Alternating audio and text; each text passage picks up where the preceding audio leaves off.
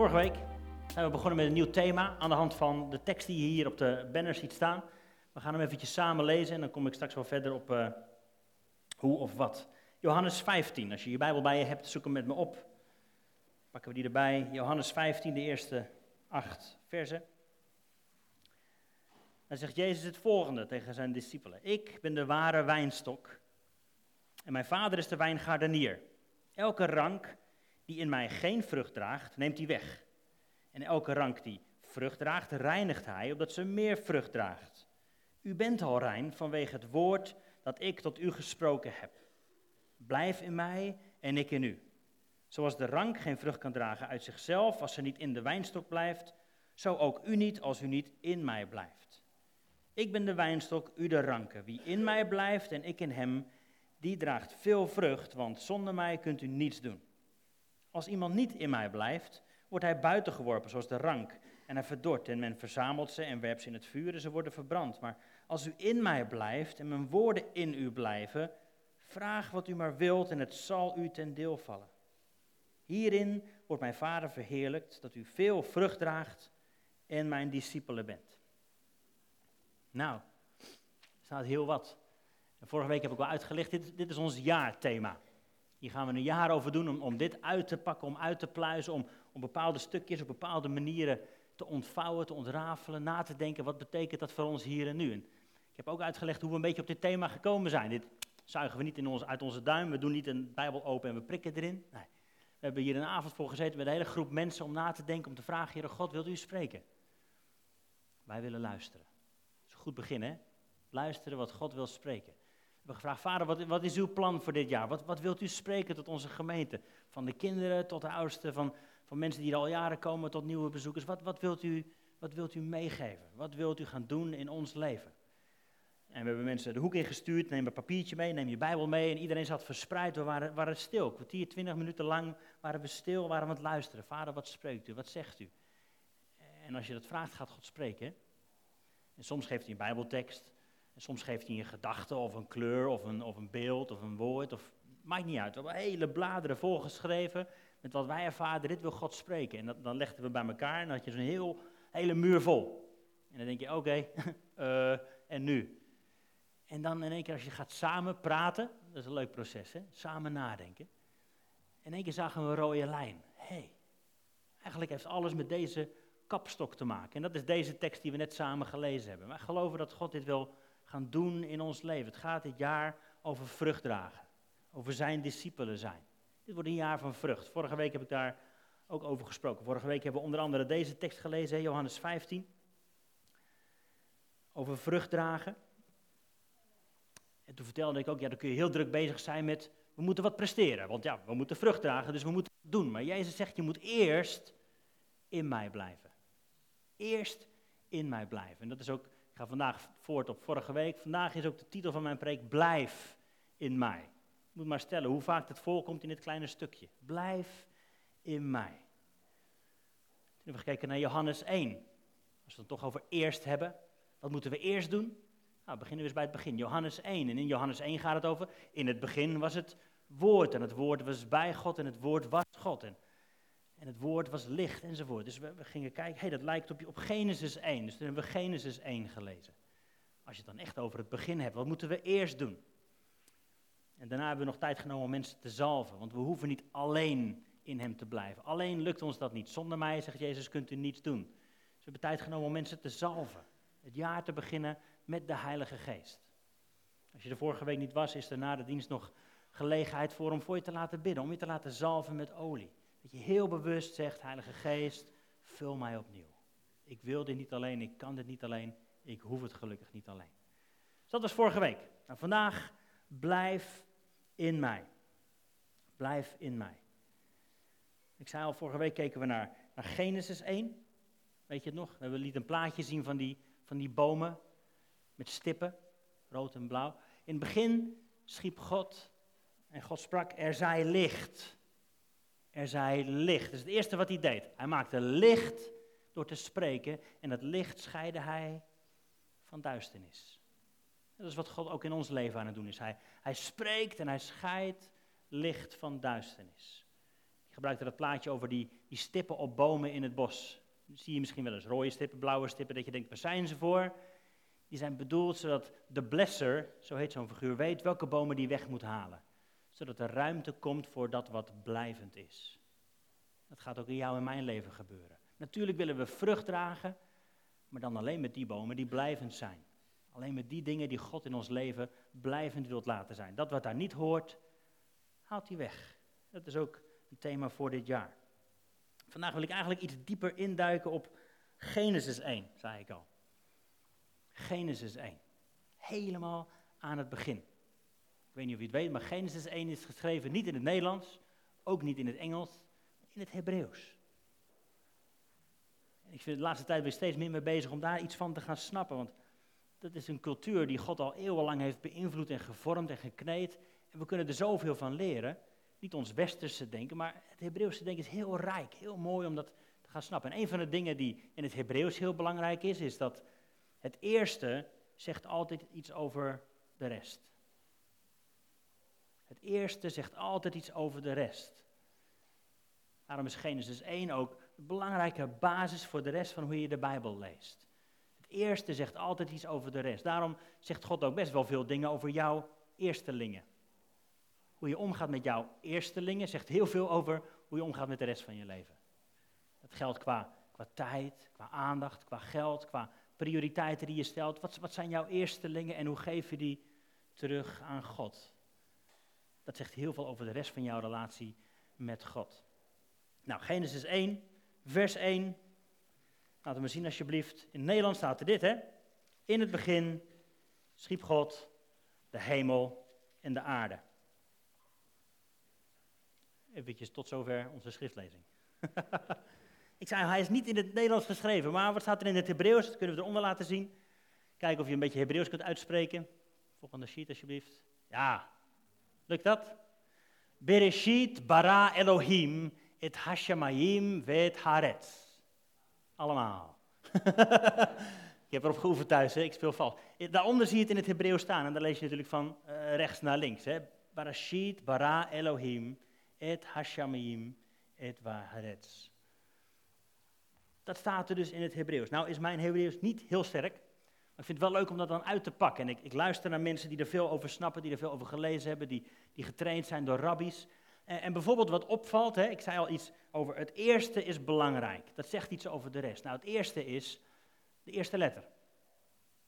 En dat is in dit geval de B. Dat is typisch. Je zou denken, nou, het begin, het eerste, dat begint dan met een A of met een alef in het geval van het Hebreeuws. Maar dit begint met de B. En wat dan leuk is aan, aan de Hebreeuwse denkers, aan Joodse rabbies, is dat er heel veel verschillende invalshoeken zijn. Je mag daar dus anders naar kijken. Dat is leuk, hè? Wij denken, je hebt het goed of je hebt het fout. Toch? Wiskunde. Het is waar of het is niet waar. Joden kijken ernaar, hé, hey, dit is een diamant. En dat is een heel mooi vlakje. Maar weet je wat, er zijn nog 70 andere vlakjes. Zo kun je er ook naar kijken. Nou, wat heel mooi is van die B, de bijt, zo spreek je die letter uit, die heeft een nummerwaarde 2. En zeggen rabbies dan, dat zegt iets over, over samen, over met z'n tweeën, over hemel en aarde, over God en mens. Samen. Maar, een andere invalshoek is, de letter B, of bijt, is, wordt ook getekend als een soort van huis. En dan is het in één keer een verblijfplaats. God die begint met het bouwen van een plek voor zichzelf.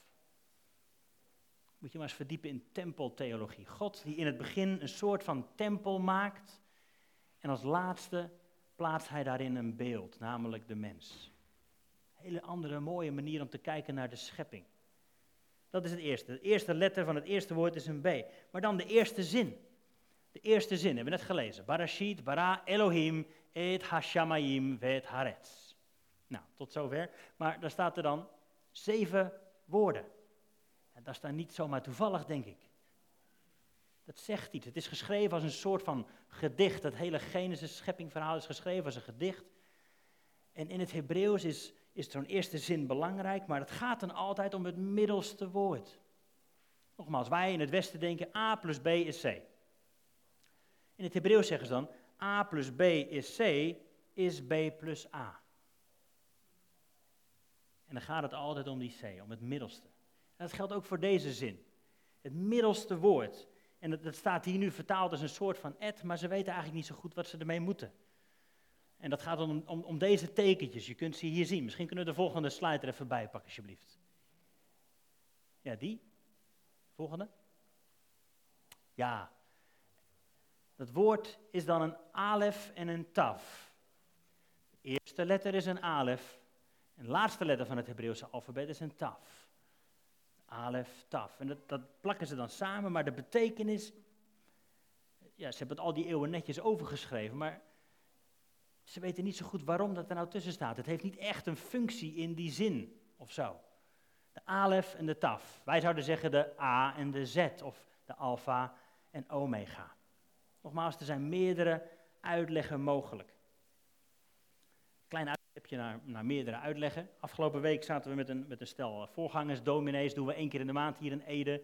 Van, uh, van gereformeerd, hervormd, baptist, maakt allemaal niet uit. We zitten bij elkaar en we bidden voor Ede. We bidden voor elkaar, we bidden voor de kerk van Ede, we bidden voor de overheden. Dat doen we samen. Afgelopen week ging het natuurlijk eventjes over Nashville. Dat was dat document wat geschreven werd, heel hard geschreven werd. En, en ik merkte onderling, was, was er een soort van verdriet. Omdat het heel stellig geschreven was. En, en waar we het over hadden met elkaar is, ja, je mag daar anders over denken. Dat is geen probleem. Maar laten we dat dan ook van elkaar oké vinden. Jij denkt er anders over, dat is, dat is oké. Dat mag, dat is jouw reis met God, dat is jouw invalshoek, dat is prima. Maar dat was een soort van openheid onderling. En dat wil ik je meegeven. Ga niet hard terug jezelf opstellen naar mensen die zo denken, die zijn buiten, want dan gooi je terug met modder en worden je handen zelf vies. Zijn meerdere invalshoeken, maar laten we elkaar omarmen en dat gesprek aan blijven gaan. Dat is eigenlijk alles wat ik er even kort over wil vertellen. Dus een diamant, meerdere invalshoeken. Nou, ook over deze alef en taf zijn meerdere invalshoeken. Zeven woorden in de eerste zin. Ik kom straks op wat, wat heeft er met ons te maken. Zeven woorden en het middelste woord, daar gaat het om. Maar wat het dan precies is, daar moeten we eens over nadenken. Nou, de eerste invalshoek, zeggen Joden. In het begin schiep God, alef taf, de hemel en de aarde. Dat staat er eigenlijk. In het begin schiep God, alef taf, de hemel en de aarde. Een van de invalshoeken die rabbies hebben is, God schiep eerst het woord. Eerst het alfabet, het Hebreeuwse alfabet, want daar zijn ze nogal trots op natuurlijk. Ze geloven dat God gesproken heeft in het Hebreeuws, waardoor alles geworden is. De eeuwige taal noemen ze het. In het begin schiep God, en dat staat ook, hè, Johannes, in het begin was het woord. Hé, hey, mooi.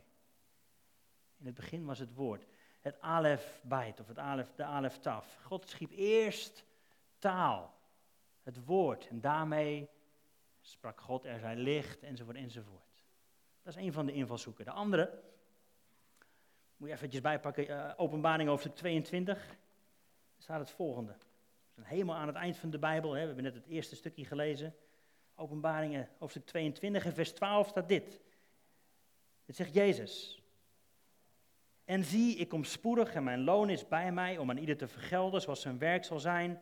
Ik ben de Alpha en de Omega, het begin en het einde, de eerste en de laatste. Moet je je voorstellen. Dit is geschreven door Johannes, nemen we aan. Opgevoed was als Jood, als jongetje, die, die Genesis 1 vers 1 kende en die ook die vraag heeft gesteld. Wat, wat betekent dat dan, die, die Alef Taf? Wat is dat dan precies? En hier helemaal aan het einde komt Jezus en zegt, dat ben ik. Ik ben de Alef en de Taf. Ik ben de Alpha en Omega. Ik ben die eerste en laatste. Helemaal in het begin ben ik. Het draait om Jezus. Van A tot Z zegt Jezus, dat ben ik. Daar middenin, het begin, was ik het woord. Colossense 1 staat het volgende. Zo'n mooie. Daar bedanken we de Vader die ons bekwaam heeft gemaakt om deel te hebben aan de erfenis van de Heilige in het licht. Hij heeft ons getrokken uit de macht van de duisternis, overgezet in het koninkrijk van de Zoon van zijn liefde. In hem hebben we verlossing door zijn bloed, vergeving van zonde. Hij is het beeld van de onzichtbare God. Dat zeggen we wel vaker hier. Als je weet wil weten wie God is, kijk naar Jezus. Kijk naar Jezus en die gekruisigd. Dan kun je zien wie God is. Dat is het karakter, het eeuwige karakter van God. Hij is het beeld van de onzichtbare God, de eerstgeborene van heel de schepping. Want door hem zijn alle dingen geschapen. Hij is de Alef en de Taf. Hij is het begin en het eind. In hem komt alles samen. Door hem zijn alle dingen geschapen die in de hemel en op aarde zijn, die zichtbaar en die onzichtbaar zijn. Tronen, heerschappijen, overheden, machten, alle dingen zijn door hem en voor hem geschapen. Zongen we net, hè? Alles is door u. Alles is tot u. En hij is voor alle dingen. En alle dingen, staat hier, bestaan tezamen door hem. In het Engels staat er zoiets als: In him all things hold together. Hij is degene die alles bij elkaar houdt. In hem komt alles samen. Van A tot Z draait het om Jezus. Helemaal aan het begin heb je daar de sleutel al van. Jezus staat centraal. Hij is het woord. Door hem, voor hem, alles bestaat door hem. Andere uitleg dan? En daar wil ik vandaag een beetje op voortbouwen. Je ziet hier al wat, wat tafels staan. We gaan straks samen avondmaal vieren. En dat heeft hiermee te maken. De alef wordt uitgelegd als een soort van ossenkop. Dat is die tekening. Maar het betekent sterk, krachtig. De betekenis van die letter alef is sterk of krachtig. En de betekenis van de letter taaf is een soort van x of een kruis. Maar het betekent verbond. En de alef en de taaf samen staat dan voor krachtig verbond. God die zichzelf krachtig verbindt aan de hemel en aan de aarde. God die zichzelf krachtig verbindt. Nou, door de hele Bijbel heen zijn hier hele mooie voorbeelden van. Eentje die mij opviel ging over Jacob en Esau. Dit hier in Genesis 1 is niet de eerste, of niet de enige, wel de eerste, maar niet de enige keer dat die alef-taf samen gebruikt wordt. Het komt heel vaak voor. Maar altijd heeft het dan te maken met een soort van verbond. In het verhaal van Jacob en Esau zie je dat telkens, wanneer hun namen genoemd worden, dat daar een alef en een taf voor staat. Alef, taf Jacob, alef, taf Esau. God die zichzelf verbonden heeft met dit gezin, met deze jongens. Maar op het moment dat Esau zijn eerste geboorterecht aflegt, verkoopt, zie je dat in de rest van de tekst die Alef Taf niet meer voor zijn naam staat. Hij heeft zich weggekeerd van dat verbond met God. God die zichzelf krachtig verbond met deze jongen, hij heeft, hij heeft zichzelf afgekeerd. En, en, alleen voor de naam van Jacob en later Israël staat er nog Alef Taf.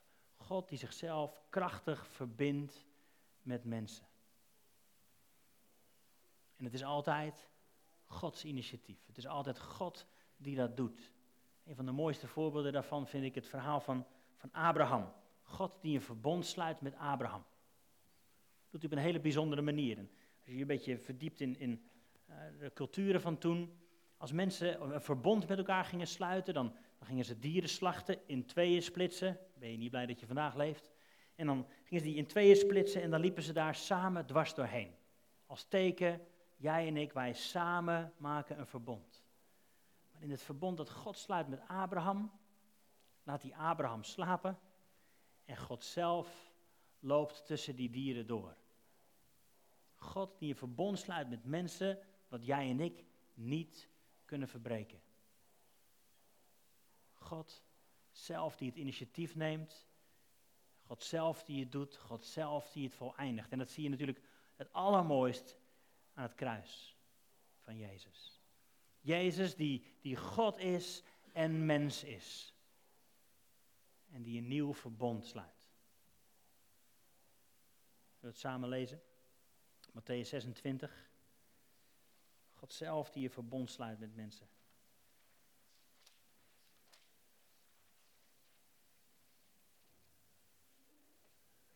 Matthäus 26 vanaf vers 26. En terwijl ze aten, nam Jezus het brood en toen hij het gezegend had, brak hij het en gaf het aan de discipelen en hij zei, neem, eet, dit is mijn lichaam. Hij nam ook de drinkbeker en nadat hij gedankt had, gaf hij hun die en zei, drink aller daaruit, want dit is mijn bloed. Het bloed van het nieuwe verbond dat voor velen vergoten wordt tot vergeving van zonde. Een nieuw verbond. God zelf die een verbond sluit met ons en die ons daarin uitnodigt. Niet dat wij het kunnen verbreken, want zijn verbond is eeuwig. Hij heeft het zelf, God en mens, Jezus als God, Jezus de mens, heeft een verbond gesloten.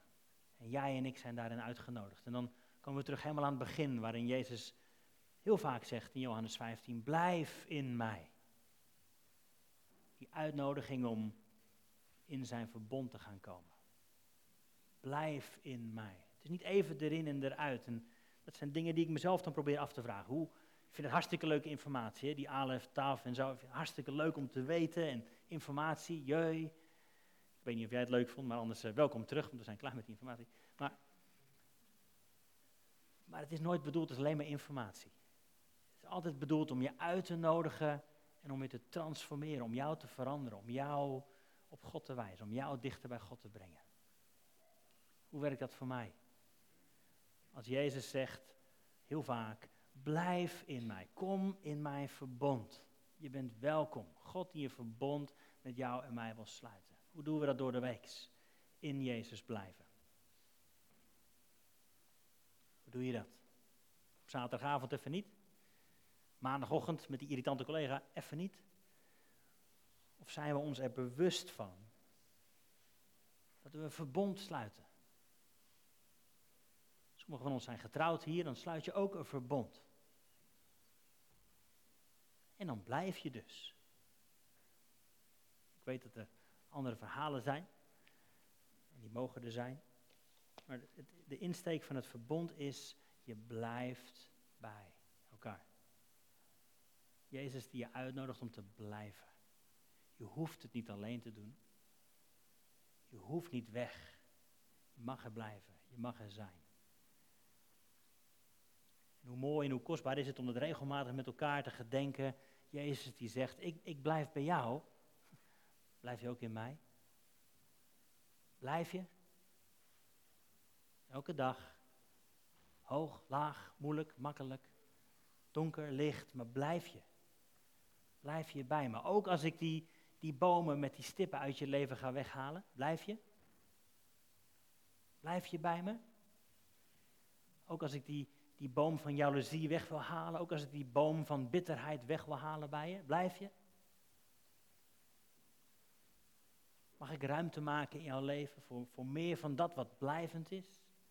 Voor liefde, blijdschap, vrede, goedheid, trouw? Mag de vrucht van de Heilige Geest ruimte innemen in je leven?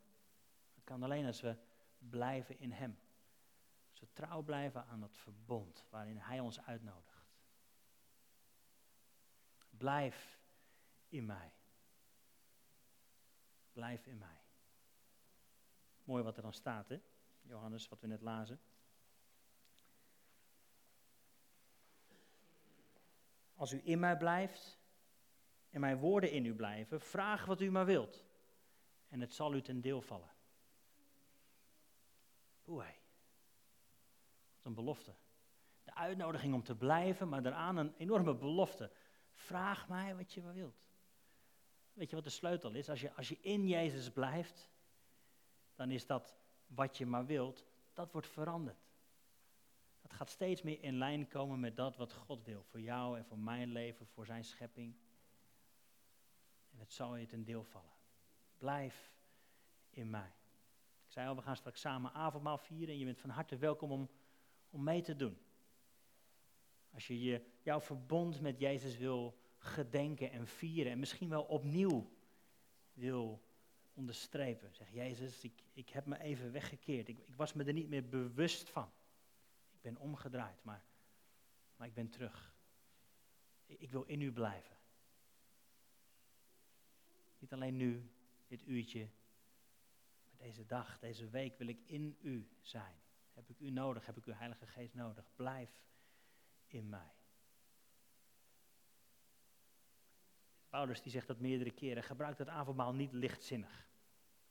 We doen hier heel bewust dat het open is voor wie wil. En vaak nemen we ook onze kinderen daarin mee. Vandaag doen we dat niet omdat ze lekker hun eigen ding hebben, meestal doen we het aan het begin. Maar ik wil dat vandaag aan laten sluiten op, op dit woord over Gods verbond. God die uitnodigt, blijf in mij. Het is open, ook al ben je geen lid van deze kerk, dat kan trouwens niet eens. Maar je bent, je bent welkom om jouw verbond met Jezus te vieren. Wat mooi is, dat, doen we samen. We gaan ons straks uitspreiden over de tafels, maar dat, dat doe je niet alleen. Natuurlijk is het persoonlijk, maar het is niet individualistisch. We doen het samen. We vieren dat samen. We, laten we ook tijd nemen om voor elkaar te bidden.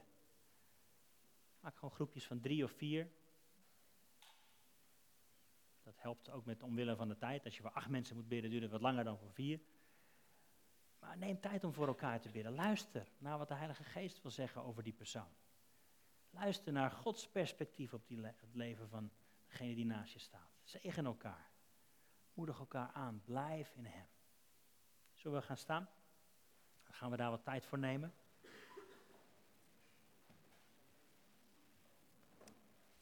Heer Jezus, dank u wel dat u ons uitnodigt in dat verbond wat u sluit. U bent de eeuwige, u was er al vanaf het begin, u bent het woord. U bent de reden van alles. Door u en tot u is alles geworden. In uw leven wij bewegen wij. Buiten u is er niks, kunnen we niks doen. En dank u wel dat u ons uitnodigt om, om in u te zijn. U bent het leven. We willen in u leven. U danken dat u ons uitnodigt om te blijven. Dat u belooft dat u in ons blijft. Dat u vraagt of we in u blijven. Ik wil jou, jullie zo zegenen met de aanwezigheid van God zelf in je leven, met de Heilige Geest. Als je samen avondmaal gaat vieren en nogmaals voel je vrij.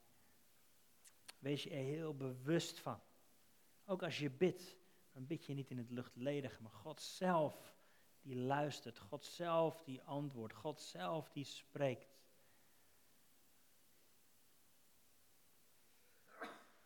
Amen.